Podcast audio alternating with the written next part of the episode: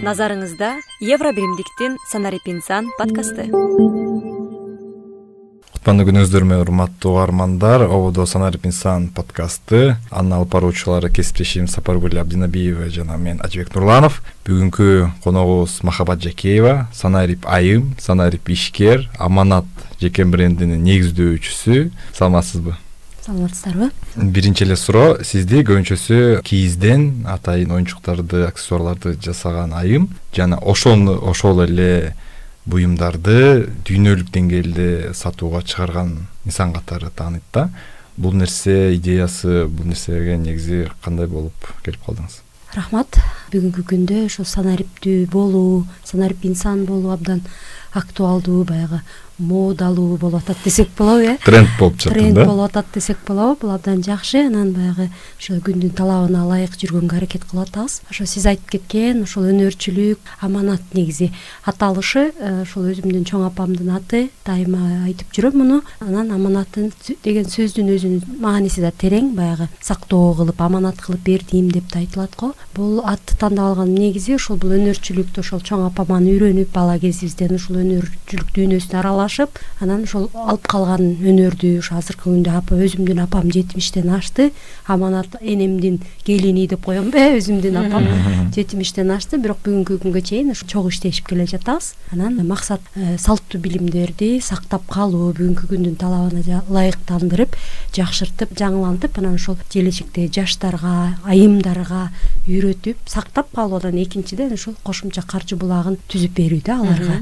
Бул э, соода базарына канчалык деңгээлде ийгиликтүү жайылды балким бул кыргызстанда эле эмес э, чет өлкөгө дагы жиберип жаттыңыздарбы бул негизи сиздер айткандай эле бүгүнкү күнгө чейин негизи аманат бренди он тогузунчу жылы быштык десек болобу э ошо ага чейин албетте иштеп жүргөнбүз. Бирок жеке бренд катары он тогузунчу жылы негиздеп баштаганбыз. Анан ошол күндөн тартып эле баягы пандемия болуп калгандыгына карабастан аракет кылып чакан чакан баягы заказдарды аткарып ошол э, түштүк кореяга чакан заказ жөнөткөнбүз. Андан сырткары ошол европага анан америкага. Бул жакта жашап ал жакта онлайн дүкөнү болгон кардарлар заказ кылып анан алар алып кетишкен. Андан сырткары баягы жеке кардарларыбыз бар. Сиздер айткандай баягы санарип санарип айдыңына чыкканга аракет кылдык. Ошол сайт даярдадык. Албетте бирок сайтты баягы жакшыртуу үстүндөбүз ал андан сырткары ошол биз билген эле баягы социалдык тармактарда активдүү жүргүзгөнгө аракет кылып келебиз да. Ошон үчүн баягы дүйнөлүк деңгээлде да кичине атыбыз пайда болуп келатат десек болот. Бирок аны менен бүгүн дагы эле аракет кылуунун үстүндөбүз албетте жасай турган иштер көп. Ошол эле учурда сиз аялдарды колдоо фондунда иш алып барасыздар. Көптөгөн жакшы долбоорлоруңуздар бар. Анан айымдарга жер жергесинде региондорго барып атайын тренингтерди өтүп аларды ушул кол өнөрчүлүккө ошол эле кезде онлайн э, соода саттыкка чыгууга жардам бересиз да? Бул процесстер кандай уланып жатат кандай ийгиликтерге жеттиңиздер туура айтасыз? Ошол сиз айтып кеткен жана аялдар арасында ишкердүүлүктү өнүктүрүү фонду коомдук уюмунда ошол эки миң он тогуздан бери эле ошол байма бай ар кандай ушул аял ишкердүүлүгүн жылдыруу алардын мүмкүнчүлүктөрүн кеңейтүү боюнча ошо долбоорлорго кеңешчи болуп координатор болуп катышып жүрөм. Ошол долбоорлордун негизги максаты эле ошол аялларды бир ишкердүүлүк кылууга үндөө анан ошол мүмкүнчүлүктөрдү көрсөтүп ошол санарип мүмкүнчүлүктөрүн билимдерин жогорулатуу боюнча иш алып барабыз. Өзүмдүн ошол жеке брендиме тийиштүү иштер боюнча ошо сиз айткандай эле ар кандай долбоорун алкаганда анан өзүмдүн жеке инициативам менен дагы ошол тренингтерди окууларды ошол бишкек шаарында деле мындай суроо талап болгондугуна байланыштуу ошол өткөрүп жүрөбүз. Ал баягы акы төлөө болот акы төлөөсү жок болуп болот баягы учур талабына ылайыктуу болуп калат. Бирок негизги бүгүнкү күндө ошо жетишкендигибиз ошол биринчи санариптештирүү боюнча кылып аткан ишибиз. Азыркы күндө ошол кыргызча сабактарды тартып баштап атабыз. Ошол продукцияны жасоо боюнча себеби бул тарапта да аябай суроо көп болуп атат. Себеби жана региондогу көп учурда жашагандыгына байланыштуу бишкекке келе албайт тренингке же болбосо мен дайыма эле аларга бара албайм анан бул учурда ошо видео сабак болсо жакшы болот эле деп күндөн күнгө суроо күч ошого байланыштуу. Азыр дагы бир чакан бир грант утуп алдым элем. Ошол санариптешүү жагын да камтыйт да. Себеби ошол жана сабакты тартуу ошол сабак аркылуу ошол эле жаштарга айымдарга мүмкүнчүлүгү чектелген адамдарга дагы мүмкүнчүлүк берүү. Себеби бул өнөрчүлүк сөзсүз эле бир ишканага барып иштеш керек эмес же болбосо чоң ишкана уюштуруунун кереги жок чоң каражаттын кереги жок. Себеби өзүбүз билген колубуздагы эле жүндү алып эле ошол жүндү туура иштетип анан сапатка басым жасап бүгүнкү күндүн кардардын суроосуна ылайыктуу продукция жасап анан аны сатса болот. Ошон үчүн бул жакта жана инклюзивдүүлүктө аябай сонун маани берилет. Буга дагы себеби алар үйдө отуруп алып эле жасай беришет. жасап анан кошумча каржы таап алса болот мунун эң чоң артыкчылыгы майда моториканы абдан жакшыртат өзгөчө балдар үчүн бул ар бир э, клеткасына чейин ойготуп кайсы бир деңгээлде нейрондорун дагы ар кандай информацияларды ташууга жардам берет. Ошон үчүн дагы бул кийиз абдан илгерки кыргыздын баалуу буюмдарынын бири жана андан жасалган буюмдардын баары эле азыркыга чейин бааланып келет. Махабат айтсаңыз сиз өзү азыркы учурда региондордо санарип боюнча эң көп барган айымдардын бирисиз ал жактагы айымдардын билимге болгон кызыгуусу чын эле санариптешүүгө ачыктыгы тууралуу маалымат берсеңиз чын эле алар санариптешкиси келеби анан алардын жалпы эле билим деңгээли азыркы учурда кандай болуп жатат туура айтасыз бул баягы мындай салыштырмалуу санариптей санарип инсан дегенде мындай түшүнүгү кичине көбөйүп калды десек болот. Бирок албетте дагы эле көйгөйлөр бар. Себеби мына ушу сиз айткандай региондорду кыдырып көрүп келдик. Көп учурда эле ошол колубузда кырмаган телефондун мүмкүнчүлүктөрүн ошол санарип мүмкүнчүлүктөрүн көп мындай колдонгонду билбейт экенбиз э баягы күнүмдүк турмушта эле маалымат алмашуу катары колдонуп эле ошол бизнести жүргүзүүдө же болбосо өзүнө керектүү маалыматты издөөдө ошол маалыматты каяктан алышты керек экенин билбей калышат. Мисалы ошол эле санарип каражаттар деп коебуз. Мисалы үчүн азыр гуgл формаларды көп колдонуп атабыз э ошол долбоорлорго мисалы үчүн арыз алууда форма жөнөтүп эле ошол форма менен толтуруп деп атабыз. Көп учурда ошол ошону биле албай толтура албай көп мындай көйгөйлөр болуп атат. Салыштырмалуу албетте баягы аракет бар баягы эки үч жылга караганда мындай кызыгуу абдан зор десем болот. Изденген айымдар жаштар аябай көп. Ошол мына акыркы барып келген жүрүштөрдө да көрдүм десем болот. Мындай кызыгуу аябай салыштырмалуу бар да. Бул абдан кубандырат. Менимче мындай адамдардын көзү ачылып мындай кандай десем ошол санарип көндүмдөр алардын дагы мүмкүнчүлүктөрүн кеңейтер ийне көздөрү жетип уже издене башташты да. Бул абдан жакшы. Бирок албетте мындай жасай турган иштер дагы калды да көп. Эми электрондук коммерция жөнүндө сүйлөшсөк. Мисалы үчүн менин апам өзү баардык нерсени токуйт килем токуйт э, оюнчуктарды жасайт колдо. Бирок ошол хоббисин бул бизнес болот деп оюна келбейт да. Апам сыяктуу айылда аябай көп апалар же келиндер кыздар көп.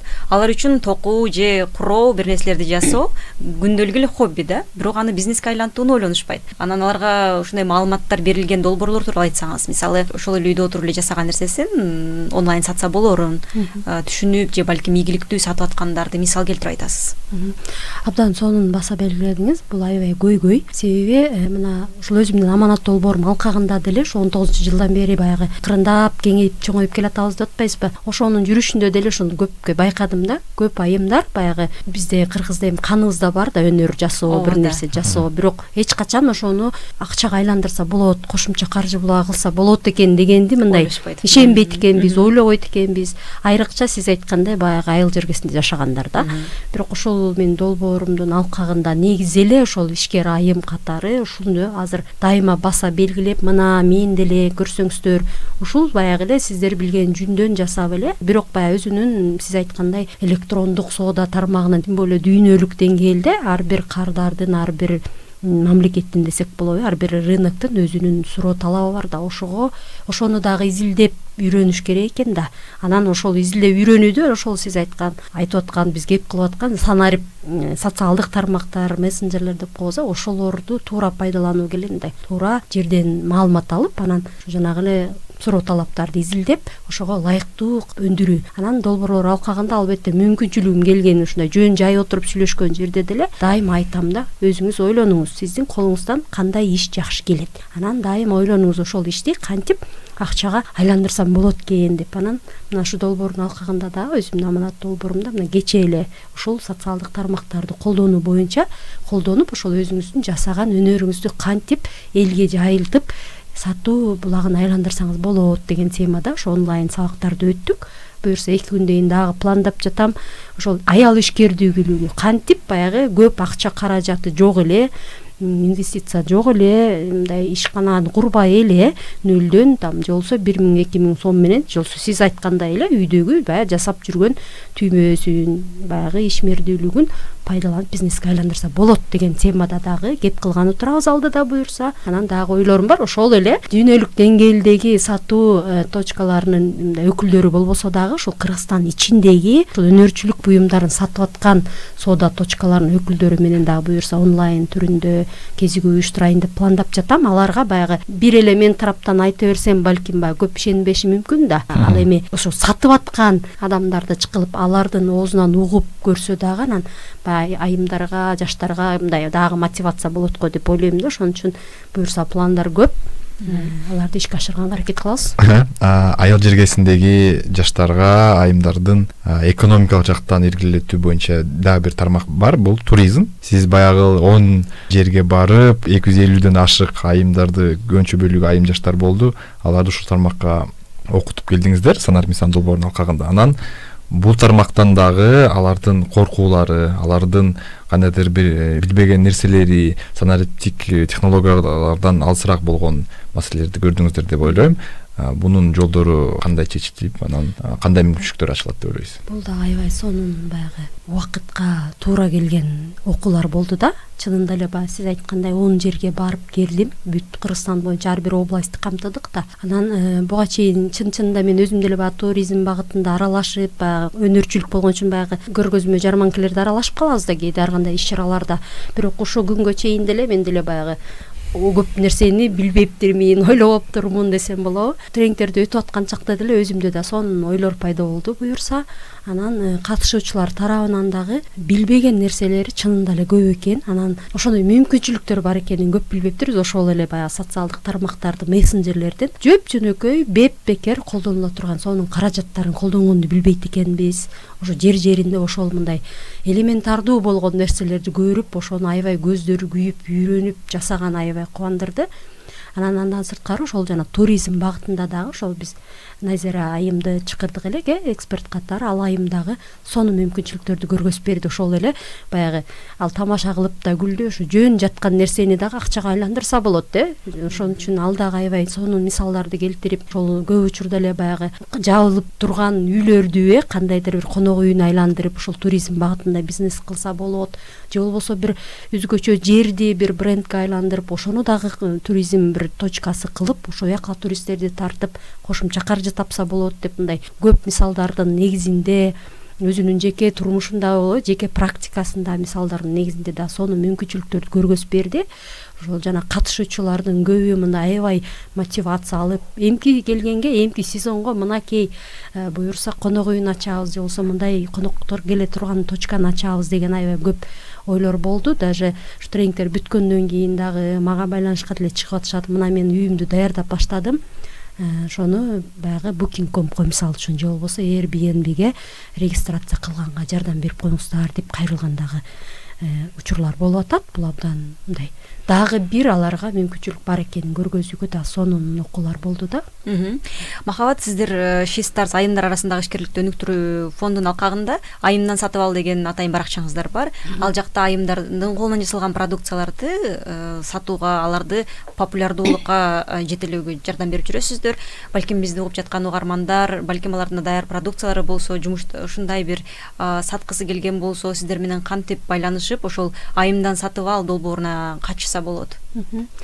Бул долбоорубуз дагы ошол э, эки жыл болду. Ошол долбоордун алкагында ошо сайт түзгөнбүз. Ошо айымдан сатып ал же болбосо buy from women kg точка ком деп түзгөнбүз бул сайтта бүгүнкү күндө үч жүздөн ашык айым жөнүндө маалымат алардын товарлары жөнүндө кызматы жөнүндө маалымат салынган. Платформанын өзгөчөлүгү дагы ушул болгон. Кыргызстан боюнча айыл чарба продукциясы боюнча балким өзүнчө жеке ошол гана э, чөйрөгө тийиштүү продукциялар боюнча же болбосо мындай бөлүк бөлүк специфический болгон платформалар бар да. Ал эми бул women болсо өнөрчүлөр гана эмес ар тараптуу багытта иш кылган ишкер айымдарды камтыган жеке бир платформа. Сырттан келген адамдар дагы ошол ушул сайтка кирип эле ар түрлүү баягы категорияга бөлүнүп салынган. Албетте максаты ошол ишкерлердин мүмкүнчүлүктөрүн экономикалык каржы булагын кеңейтүү болчу. Чоң рахмат э, кыргызстанда ошол кыз келиндерди колдоп алардын өзгөчө санариптешүүсүнө кошкон салымыңыз үчүн биздин эфирге келип кызыктуу маек куруп бергениңиз үчүн чоң рахмат. Биз э, подкастыбызды жыйынтыктайлы анда ооба. Бүгүн биздин коногубуз махабат жекебай болду. Санарип айым санарип ишкер жана э, ишкердикти өнүктүрүү боюнча эксперт окутуучу берүүнү кесиптешим сапаргүл абдинабиева жана мен ажыбек нурланов алып бардым. Саламатта калыңыздар назарыңызда евробиримдиктин санарип инсан подкасты